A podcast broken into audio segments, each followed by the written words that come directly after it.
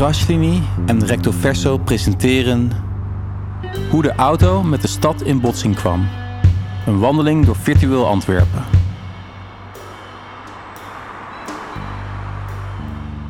U heeft deze podcast aangezet en staat daarom op het punt om te beginnen aan een interactieve wandeling door Antwerpen.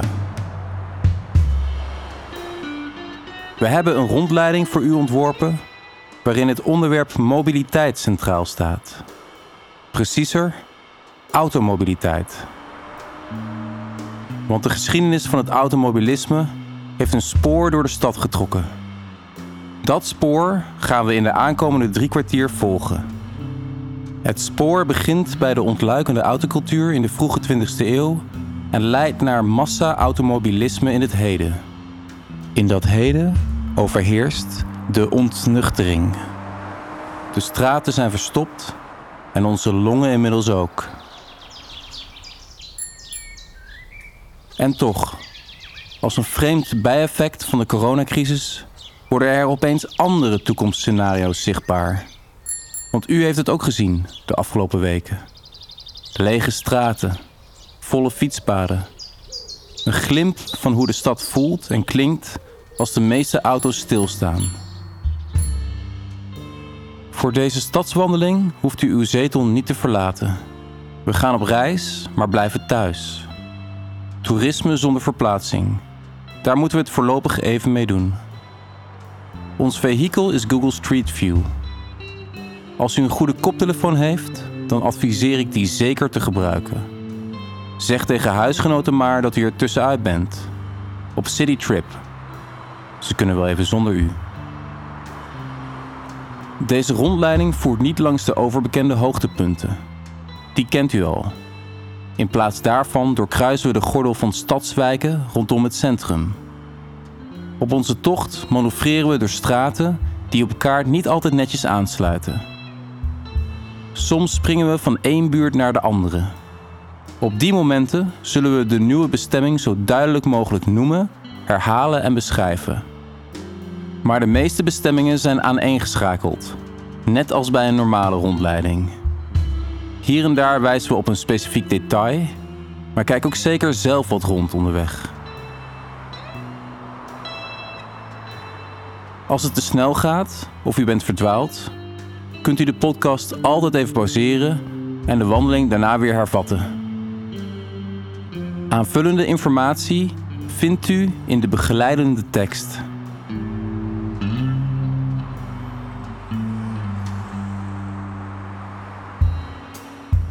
Goed, daar gaan we.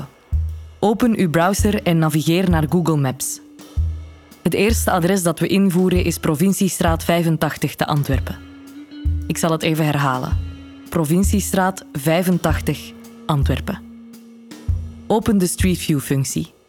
In de meeste browsers kan dat door op de foto in de linkerbovenhoek of linkeronderhoek te klikken. Draai vervolgens 90 graden naar rechts en kijk de provinciestraat in. Loop rustig de straat door tot u bij huisnummer 135 bent. Ik herhaal, huisnummer 135.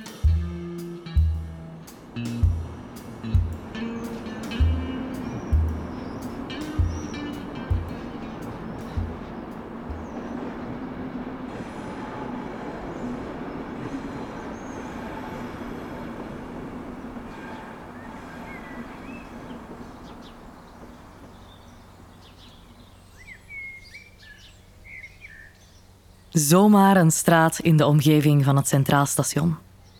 We hebben geluk. Het weer is goed. Het is misschien zondag en bovendien zomer. Kijk, rechtsonder in beeld staat de opnamedatum. Juni 2017. Dit beeld is uitzonderlijk. De straat is leeg. Meestal staan de auto's hier in rijformatie te ronken en te toeteren. Dan is de lucht haast tastbaar van de uitlaatgassen. Zo niet vandaag. En helemaal toevallig is dat niet. Google fotografeert drukke steden bij voorkeur in de autoluwe zomermaanden, wanneer er minder opstoppingen zijn, zodat er meer straten gefotografeerd kunnen worden.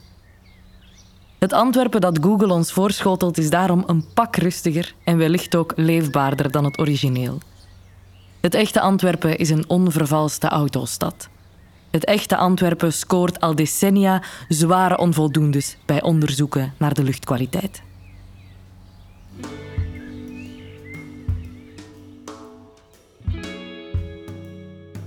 Bent u inmiddels bij huis nummer 136 gearriveerd? Het is een lichtgrijs pand aan uw rechterhand. Er staat een wit busje zonder opdruk voor de deur. De winkel ernaast biedt autobusdiensten naar Marokko aan.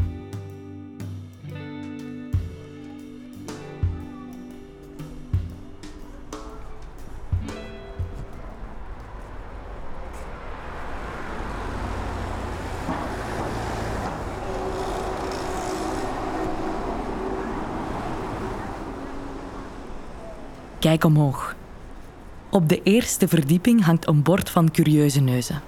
Dat betekent dat hier een deelnemer woont aan burgeronderzoeken naar luchtverontreiniging die hier de afgelopen jaren plaatsvonden. Duizenden gezinnen, verenigingen en scholen in de stad installeerden een apparaat aan hun raam om de concentratie van stikstofdioxide te meten. Stikstofdioxide is een belangrijke aanwijzing voor luchtverontreiniging veroorzaakt door verkeer. Curieuze Neuzen identificeerde dit type straat als een belangrijke locatie van luchtvervuiling. Ze noemden het een street canyon, in beter Nederlands een straatravijn. Straatravijnen zijn nauwe straten met veel verkeer, waar de vuile lucht blijft hangen tussen de gevels. De hoogste concentraties luchtvervuiling werden in deze straatravijnen opgetekend. Als je in Antwerpen woont, is de kans groot dat je er dagelijks één of meer passeert. De Provinciestraat, de Borsbeekstraat, de Posthoekstraat, de Kelijnstraat, de Van Erdbornstraat, de Oziestraat, de Kerkstraat, de Lange Beeldekestraat, de Van Maarlandstraat.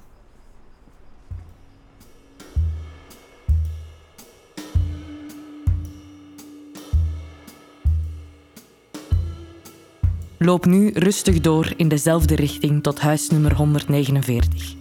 Ik herhaal huisnummer 149. Dat is een huis aan de linkerkant van de straat, bij tramhalte Lente, waar mensen staan te wachten.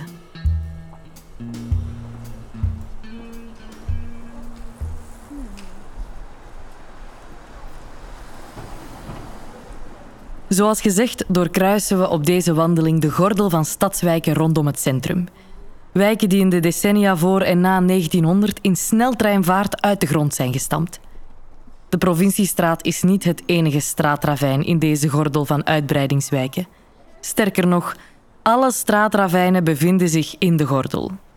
Hoe zit dat? Dat heeft onder meer te maken met hoe die gordel tot stand kwam. In 1880 telde Antwerpen 169.000 inwoners. In 1910 bijna 302.000. De toestroom van nieuwkomers moest opgevangen worden. De stad groeide in razend tempo richting de omliggende dorpskernen, zoals Berchem en Borgerhout, en slokte ze uiteindelijk op.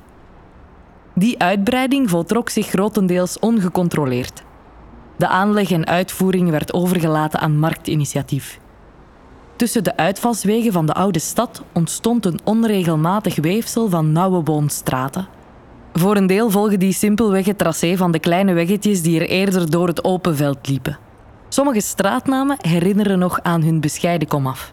Weidestraat, Boomgaardstraat, Eikelstraat, Veldstraat, Leeuwerikstraat, Tuinbouwstraat. Ze werden volgebouwd door speculanten, aannemers en architecten-entrepreneurs.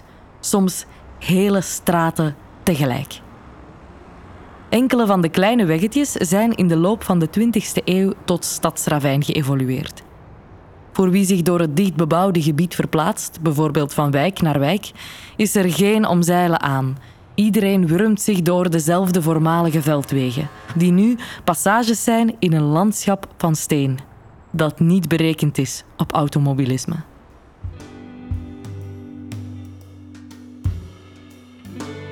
U bent al ter hoogte van Provinciestraat 149 bij tramhalte Lente? Het is een monumentaal wit herenhuis met een grote blauwe poort.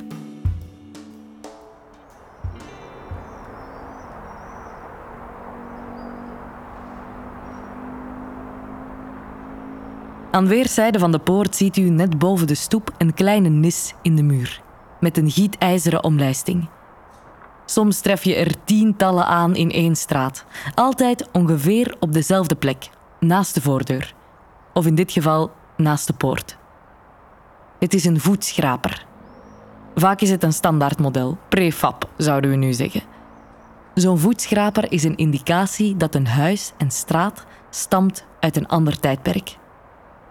Toen mensen en goederen niet gemotoriseerd werden vervoerd, maar in koetsen, karren en zelfs trams die door paarden werden getrokken. Stront was het vervelende bijproduct van al die paardenkracht. De straat lag ermee bezaaid. Ook de poort zelf is een tastbare herinnering aan de aanwezigheid van het paard in de straat. Hij gaf toegang tot een achter het huis gelegen stal en koetshuis. Zulke inrijpoorten werden nog in de jaren 20 van de 20e eeuw gebouwd, terwijl de doorbraak van de automobiel al in volle gang was. Kijk enkele deuren verder naar rechts, waar een vrouw op de trap zit. Tussen haar knie en de restafvalzak zit ook een voetschraper verscholen.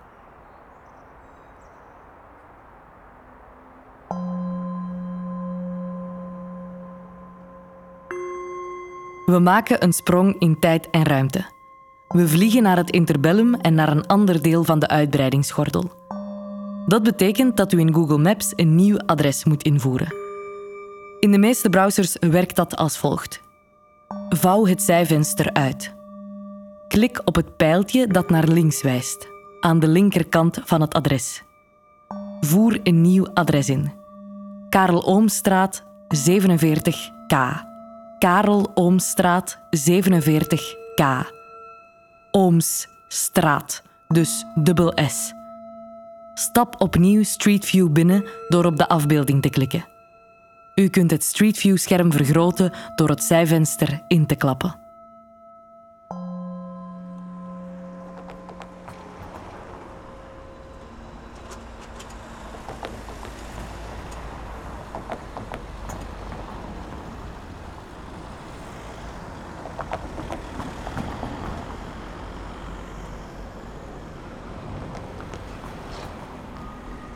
U staat voor de ingang van de parkeergarage van de Albert Heijn.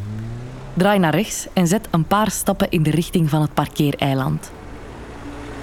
Draai eens rond en neem de omgeving goed in u op. Het is moeilijk voor te stellen, maar dit was in de jaren 20 van de vorige eeuw het hart van de Belgische auto-industrie.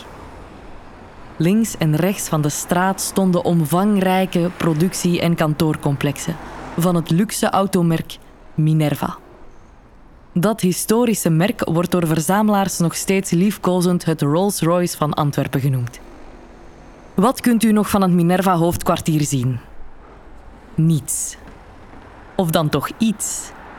Tegenover de Albert Heijn markeert een metalen omheining de omtrek van het voormalige fabrieksterrein, dat nog steeds, of alweer, op een bestemming wacht. En op de plek waar nu de Albert Heijn staat, stond een fabrieksgebouw dat zich helemaal uitstrekte tot de erachter gelegen straat. Minerva is al sinds 1934 weg. Maar tot Albert Heijn vijf jaar geleden neerstreek, stond hier het Antwerpse hoofdkwartier van Peugeot. Maar enfin, Minerva. In 1923 werden in deze fabriek en de zusterfabriek in Mortsel 2500 auto's per jaar gebouwd. Daarvan werd de helft geëxporteerd. Minerva was populair bij de rich en de famous en naar verluid reed zelfs autotycoon Henry Ford in een wagen van Antwerpse makelarij. Het bedrijf had op het hoogtepunt 6.500 mensen in dienst. Probeer het voor te stellen dat in deze straat dagelijks duizenden arbeiders en kantoorbedienden de gebouwen in en uitstroomde. Lang hield de bloei van Minerva overigens niet aan. Door de crisis van 1929 krom de markt voor luxe auto's. Ondertussen openden er in de havens van Antwerpen grote assemblagefabrieken van de Amerikaanse merken Ford, Chrysler en General Motors. Die bedienden een groot deel van Europa en drukten veel lokale autoproducenten uit de markt. In 1934 ging Minerva op in het Luikse Imperia. en werd de fabriek aan de Karel Oomstraat gesloten en gesloopt.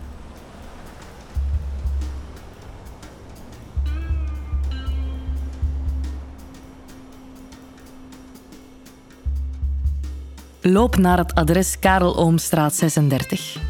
Karel Oomstraat 36. Dat is in noordelijke richting.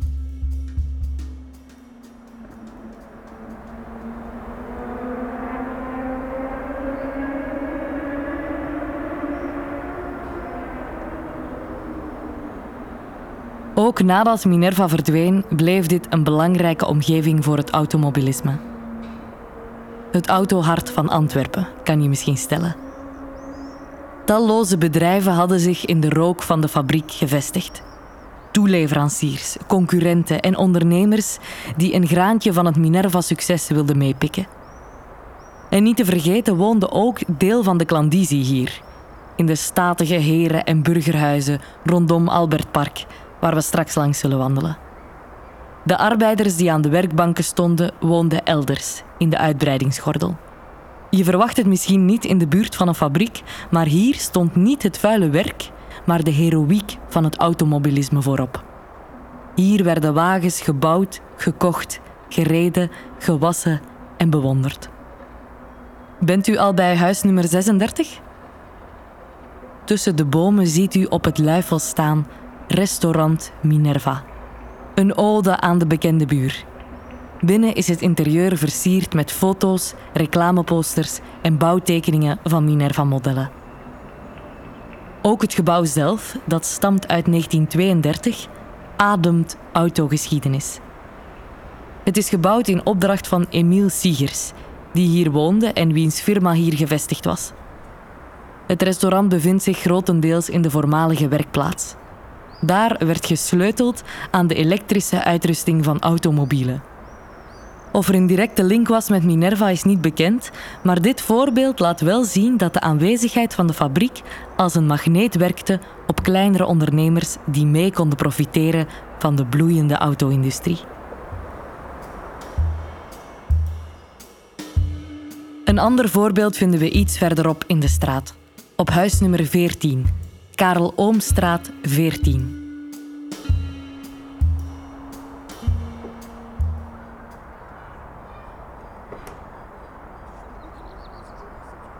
Karel Oomstraat 14. Een prachtig Art Deco appartementencomplex uit 1927 ontworpen door Raymond Keurvorst in opdracht van de ondernemer Frans van Oorschot. Op de begane grond bevond en bevindt zich een omvangrijke garage. Maar Van Oorschots onderneming was niet gericht op het bouwen, verkopen of repareren van automobielen. Hij verhuurde ze en in het hoogste segment.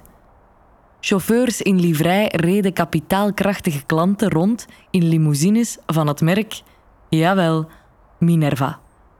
In 1933 werd het bedrijf door zijn zoon Jan omgevormd tot een succesvol taxibedrijf. Bij het uitbouwen van de vloot koos hij niet voor de dure grote Minerva's, maar voor de kleinere, veel goedkopere, in de Antwerpse haven geassembleerde Ford V8. In 1939 beschikte de firma over 50 wagens. Een fijn detail is dat hetzelfde autobedrijf nog steeds op deze plek gevestigd is. Als u inzoomt op de rolgordijnen van de appartementen boven de zaak, ziet u het bedrijfslogo. De A en de T staan voor Antwerp Tax, de naam die al sinds 1933 aan deze locatie verbonden is. Draai om, zodat u met uw rug naar het gebouw van Antwerp Tax staat. Aan uw rechterhand ziet u het forse en ongelukkige gebouw Den Drijhoek, waarin het filiaal van supermarktketen Delhaize gevestigd is. Ook deze plek ademt autogeschiedenis. In de jaren 30 stond hier een gigantische garage met showroom van Citroën-dealer Helsmoortel. Wat ik kan opmaken uit oude foto's is dat het een opvallend gebouw was, met een showroom in de vorm van een grote glazen trommel. Nu moeten we een stukje stappen naar de volgende bestemming. Links, op de hoek van de grote wegen die elkaar snijden, staat een flatgebouw met zandstenen gevelbekleding. Steek de straat over.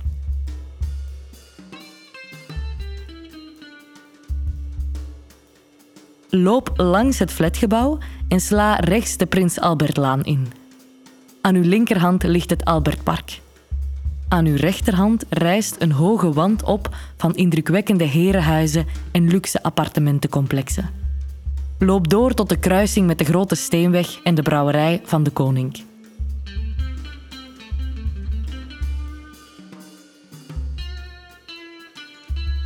Sla linksaf, de Grote Steenweg of Mechelse Steenweg in.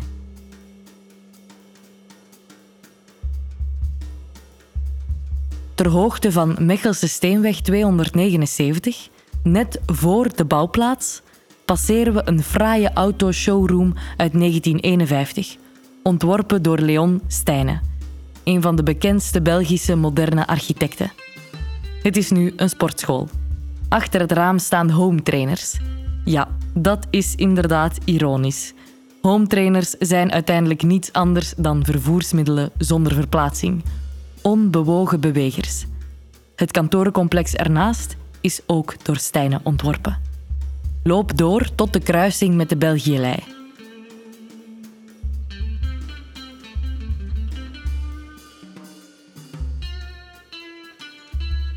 Bent u al bij de Belgielei gearriveerd? Ga op het kruispunt staan en kijk naar het imposante hoekgebouw met de golvende gevel. De balkons met smeedijzeren balustrades en de drie vrolijke vensters in het Frans aandoende mansardedak. In de plint is nu het deurwaardersbedrijf Modero Solid gevestigd.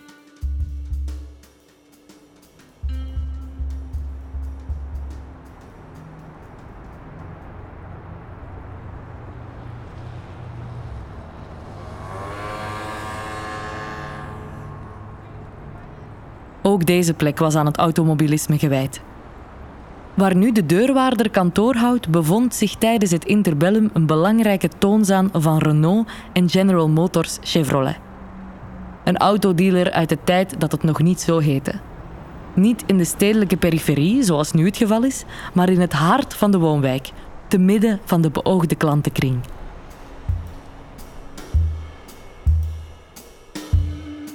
Sla rechtsaf de Belgielei in en loop door tot huisnummer 166. Belgielei 166.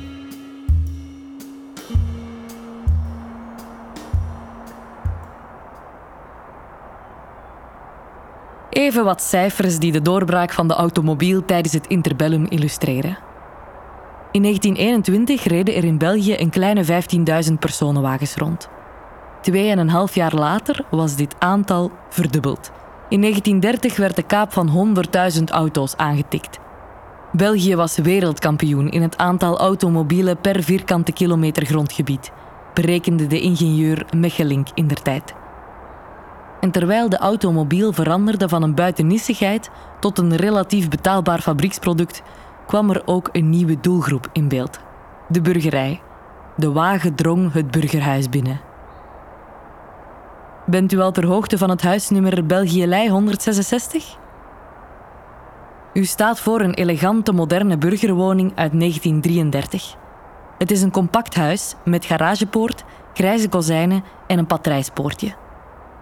Het is ontworpen door Nachman Kaplanski, een Russisch-Pools-Joodse architect die in 1925 in Antwerpen belandde en hier een klein maar bijzonder oeuvre kon realiseren voor hij in 1940 naar Palestina vluchtte. De inpandige garage heeft zijn intrede gedaan en vormt het bewijs dat de automobiel volledig in de burgerlijke leefwereld en zelfs in de woning is opgenomen. De auto is waarlijk huisgenoot geworden. Maar ook aanwezig naast de voordeur een voetschraper, als herinnering dat er nog steeds karren zijn, dat er nog paarden zijn, dat er nog poep is.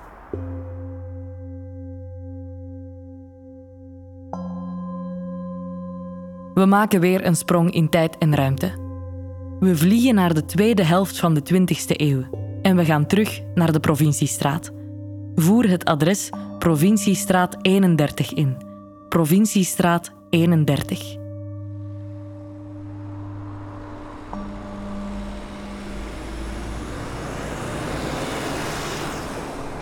Blijf in de buurt van nummer 31, maar bekijk ook de woningen eromheen. Veel stammen uit de vroege 20e of zelfs de 19e eeuw, maar vonden hun huidige verschijningsvorm pas na de Tweede Wereldoorlog. Kijk wat rond terwijl ik een tijdsbeeld schets. Na de Tweede Wereldoorlog dijde het Vlaamse wagenpark tomeloos uit. In 1960 reden er 735.000 auto's rond. Maar de echte explosie moest nog plaatsvinden. In 1970, dus tien jaar later, ging het al om 2 miljoen wagens. Nog tien jaar later had meer dan 70% van de woningeigenaren één of meerdere auto's in bezit. Meer wielen betekent meer asfalt. Tussen 1969 en 1973 verdubbelde het aantal kilometers autosnelweg. Ook in steden nam de behoefte aan wegdek en parkeerplek toe. Op veel plaatsen werden bomen gekapt om de straat- en parkeerruimte te maximaliseren. Buurten en straten die voor andere vervoersvormen en snelheden gebouwd waren, werden in een versneld wasprogramma aangepast aan de nieuwe tijd. Meer wielen betekent ook meer garageruimtes. Tussen 1961 en 1968 nam de totale garageoppervlakte toe van 14,9 tot 26,7 miljoen vierkante meter, heeft architectuurhistoricus Els de Vos berekend. Bij nieuwbouw in de steden, waar geen ruimte was voor een extern garagegebouw, werd de belletagewoning, waarvan de door Kaplanski ontworpen woning op de Belgielei een vooroorlogs voorbeeld is, na de oorlog de norm. Dat betekent dat de leefruimtes werden opgetild en er op het niveau van de begane grond een garageruimte de woning binnen werd geschoven. Hetzelfde gebeurde bij woningen die helemaal als belletagewoning waren ontworpen. Kijk eens goed naar huis nummer 31. Het is het beige huis met de opvallende boogvormige garagepoort. Die heeft zich niet onelegant, maar ook niet helemaal comfortabel in de gevel genesteld. Op de begane grond bevond zich oorspronkelijk, zo lezen we in het erfgoeddossier, een klassieke houten winkelpui met zijportaal, wortelmotieven op de pilasters, voluutconsoles onder de kroonlijst en een bewerkte hardstenen plint. De huidige pui is het product van de postmoderne jaren 80, maar vooral van de fantasie, vernieuwingsdrang en autoaanbidding van de toenmalige eigenaar.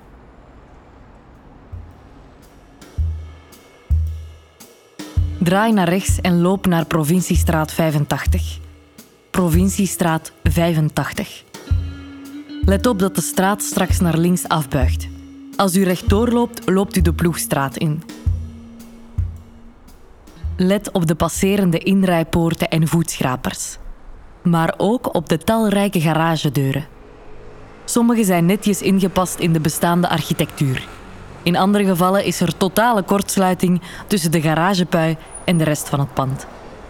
Particulieren die zich in bochten wrongen om de auto binnenshuis te kunnen verwelkomen.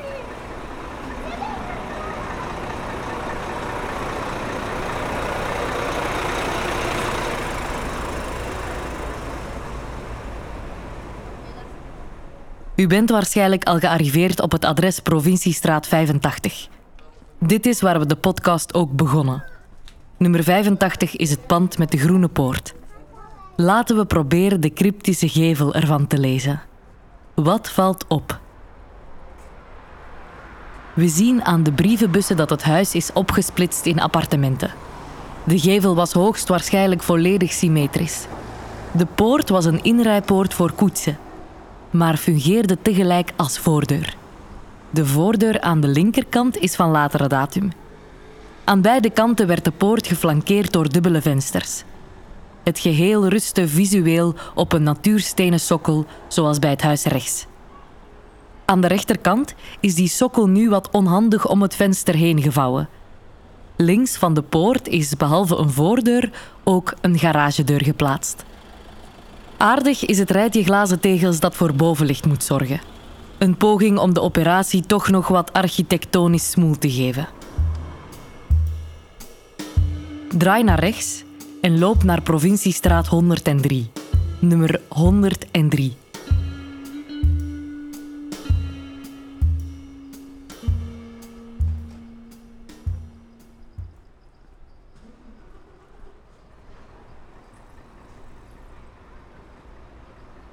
Een woning met een bruine pui met garagepoort en voordeur en daarboven een gebogen venster met een gordijn van kant.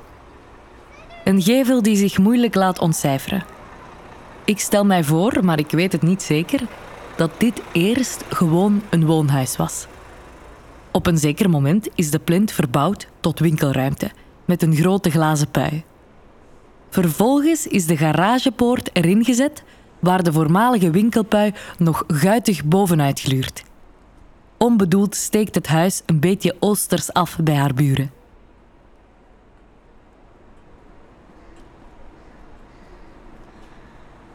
De uitbreidingsgordel staat vol met schizofrene laat 19e-eeuwse en vroeg 20e-eeuwse gevels, waar na de oorlog een garage ingeschoven is.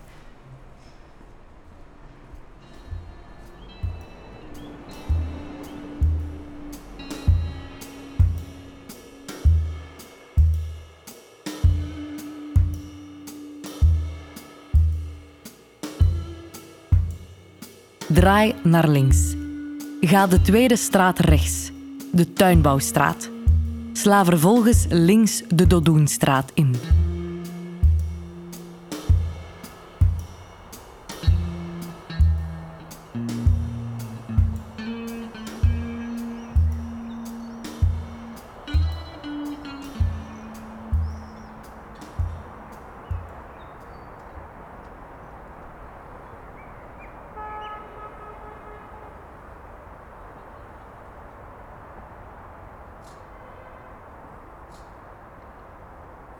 Bij huis nummer 5, vrijwel direct aan uw linkerhand, onder een balkon, een duif, in vlucht bevroren.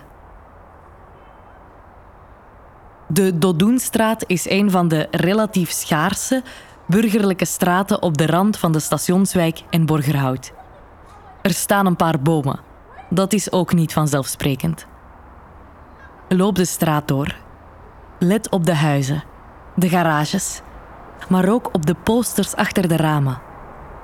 Meer dan bijvoorbeeld in Nederland fungeren ramen in Belgische steden als mededelingenbord, waarmee je je affiniteiten en afkeren bekend maakt. U zult in deze straat verschillende posters voor Ringland zien.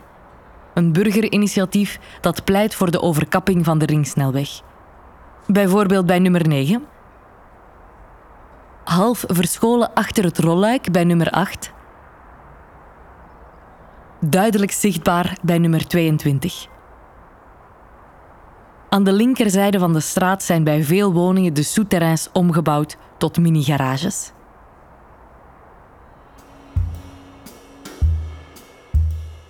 De Dodoenstraat loopt over in de Van Geertstraat. Volg de Van Geertstraat tot de T-splitsing met de Carnotstraat en zet een paar stappen naar rechts, zodat u recht voor de winkel Nabilosat Antwerpen staat.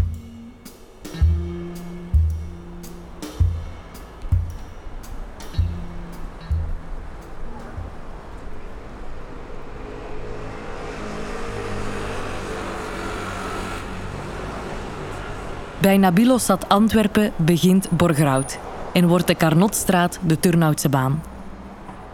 Borgerhout was tot 1983 zelfstandig terwijl het al volledig in het weefsel van Antwerpen was opgenomen. Loodrecht onder de naam Nabilosat Antwerpen, ongeveer bij het elektriciteitskastje, ligt in het trottoir nog een grenssteen verscholen. Als u inzoomt, worden de B en de A zichtbaar. We betreden de B, Borgerhout. Volg de Turnhoutse baan verder de wijk in. De Turnhoutse baan is de centrale verkeersader van Borgerhout en een van de belangrijkste uitvalswegen van Antwerpen. Een paar kilometer verderop gaat de straat bijna geruisloos over in de snelweg E313. Ook de Turnhoutse baan zult u in werkelijkheid niet snel zo stil aantreffen als hier in Street View. Dat geeft u de gelegenheid om ongehinderd de gevels te bekijken, terwijl u richting Turnhoutse baan 226 loopt. Ondertussen vertel ik iets over de aard van het autoverkeer in Antwerpen.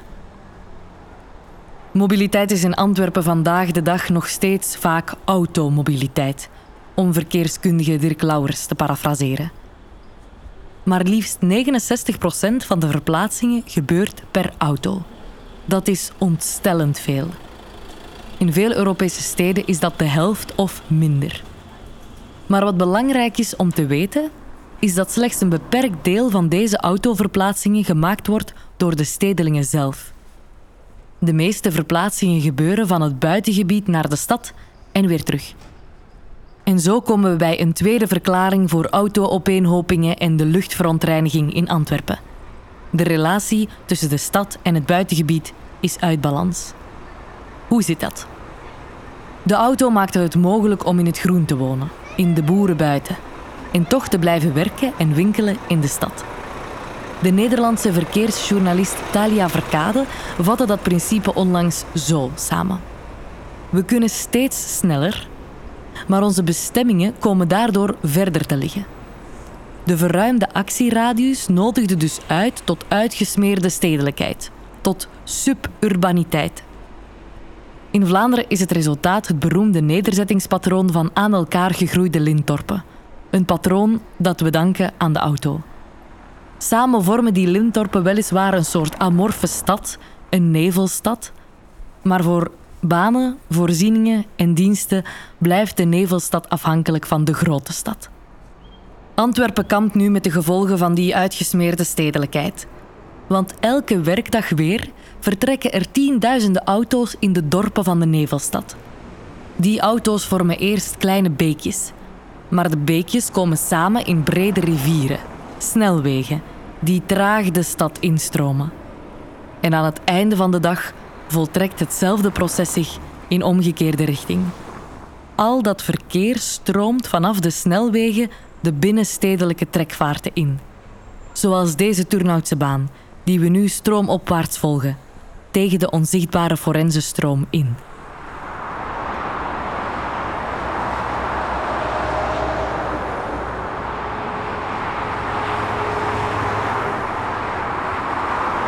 U bent misschien al ter hoogte van Turnhoutse baan 226?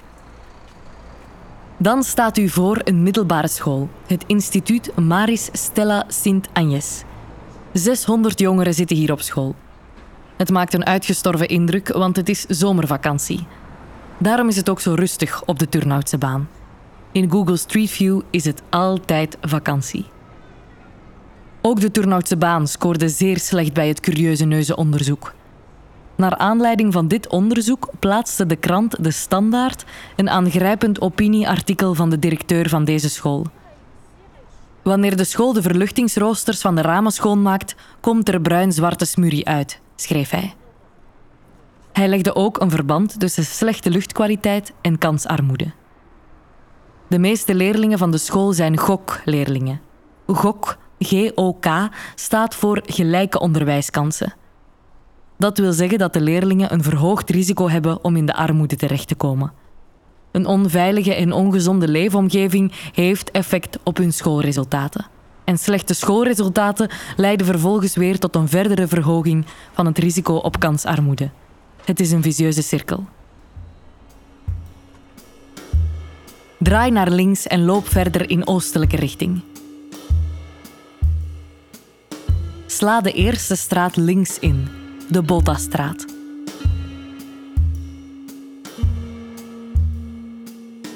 Aan het einde van de kale straat gloort een groepje bomen. Het Krugerpark. Loop er naartoe.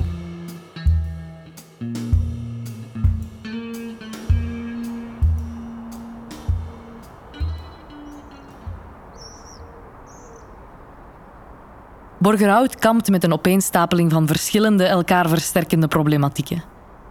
De wijk is niet alleen rijk aan straatravijnen, het is ook een van de meest versteende plekken van de stad.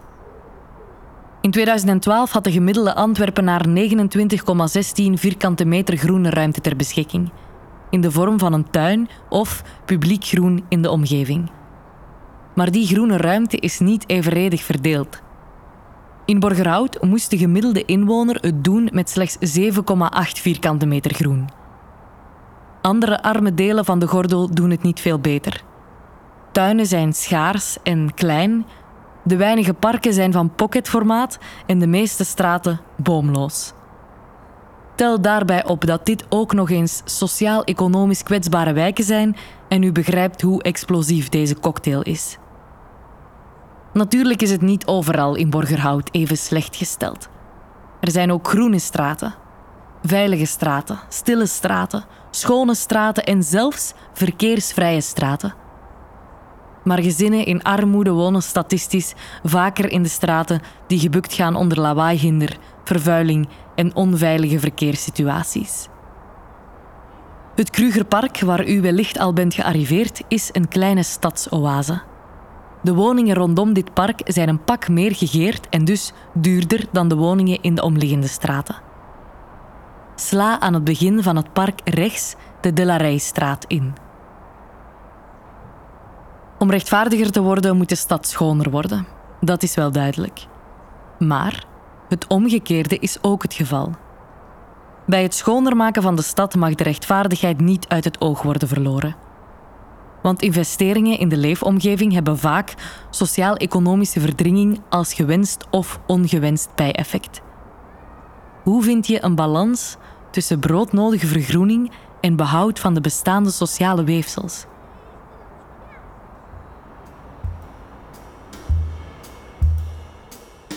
U volgt nu achtereenvolgens de Delarijstraat en de Reuzenstraat langs de populaire Bar Leon tot de Gijzelstraat. Als u daar de stoep oversteekt, bent u in de Borsbeekstraat. Een triestige, boomloze street canyon. Sla linksaf de Borsbeekstraat in en loop naar huisnummer 112.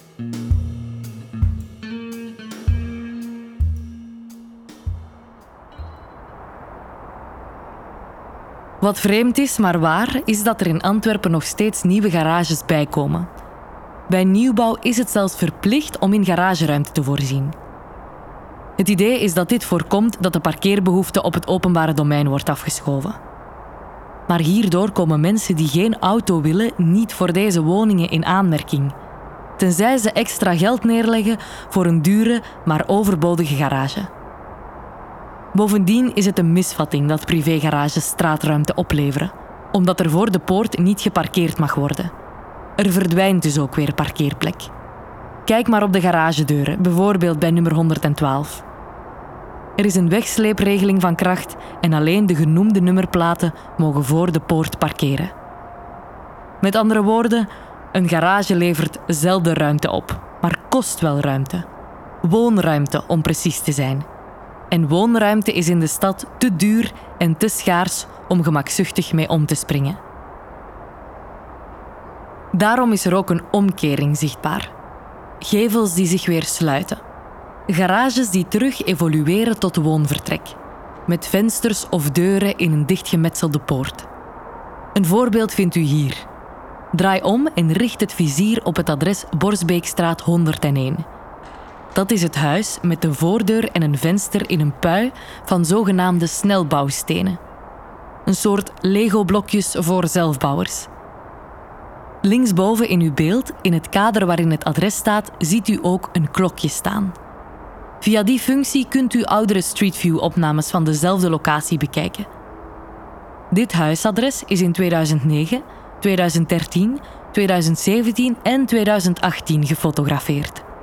Als u de eerdere opnames bekijkt, ziet u dat hier tussen 2013 en 2017 een garage tot woonruimte is gepromoveerd. Dit voorbeeld staat niet op zichzelf. Overal in Antwerpen zien we garages verdwijnen en woonruimtes verschijnen.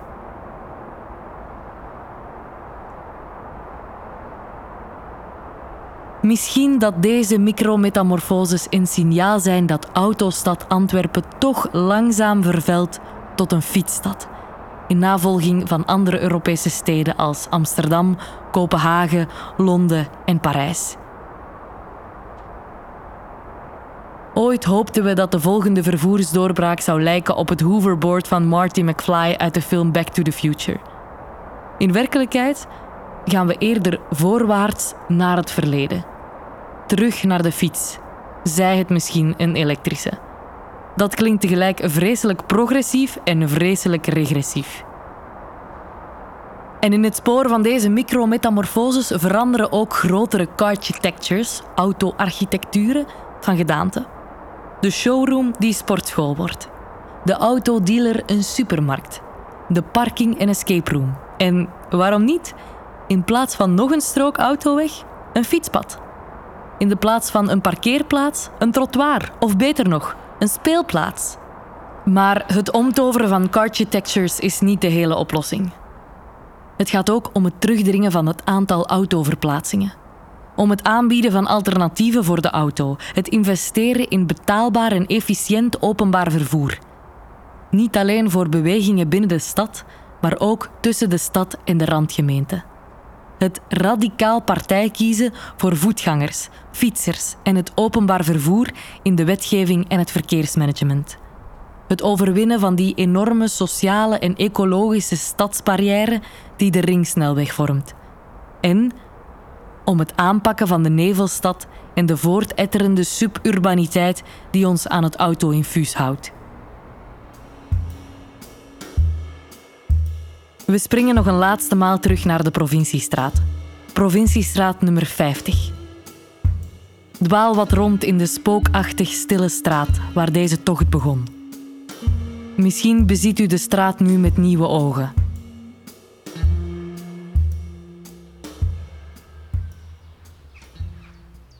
Wonderlijk dat door de COVID-19-pandemie deze stad zowaar is gaan lijken op haar stille, zomerse streetview-duplicaat.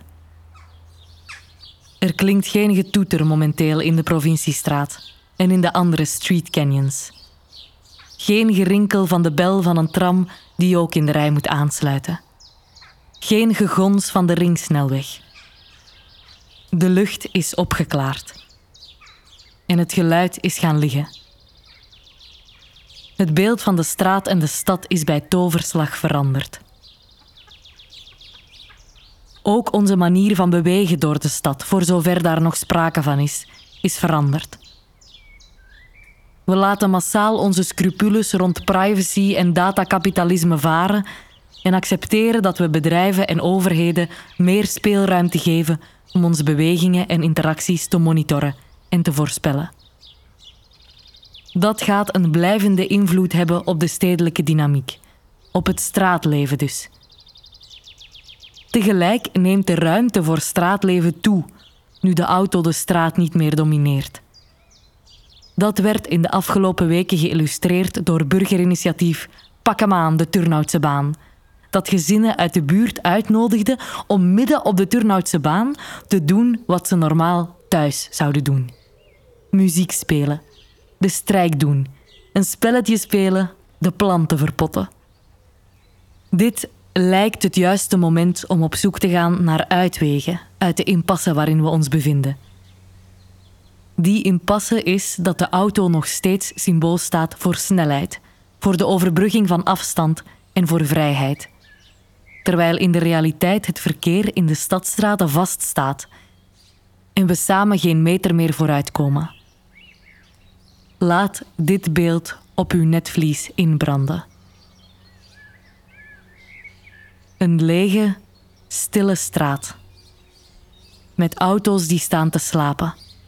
In huis of langs de stoep. Misschien moeten we een deel van het wagenpark definitief laten inslapen.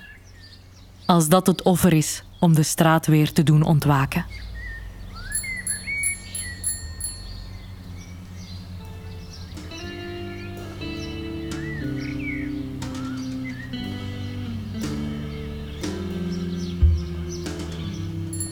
Dit is een productie van Trashlinie in samenwerking met Recto Verso. Tekst Roel Griffioen.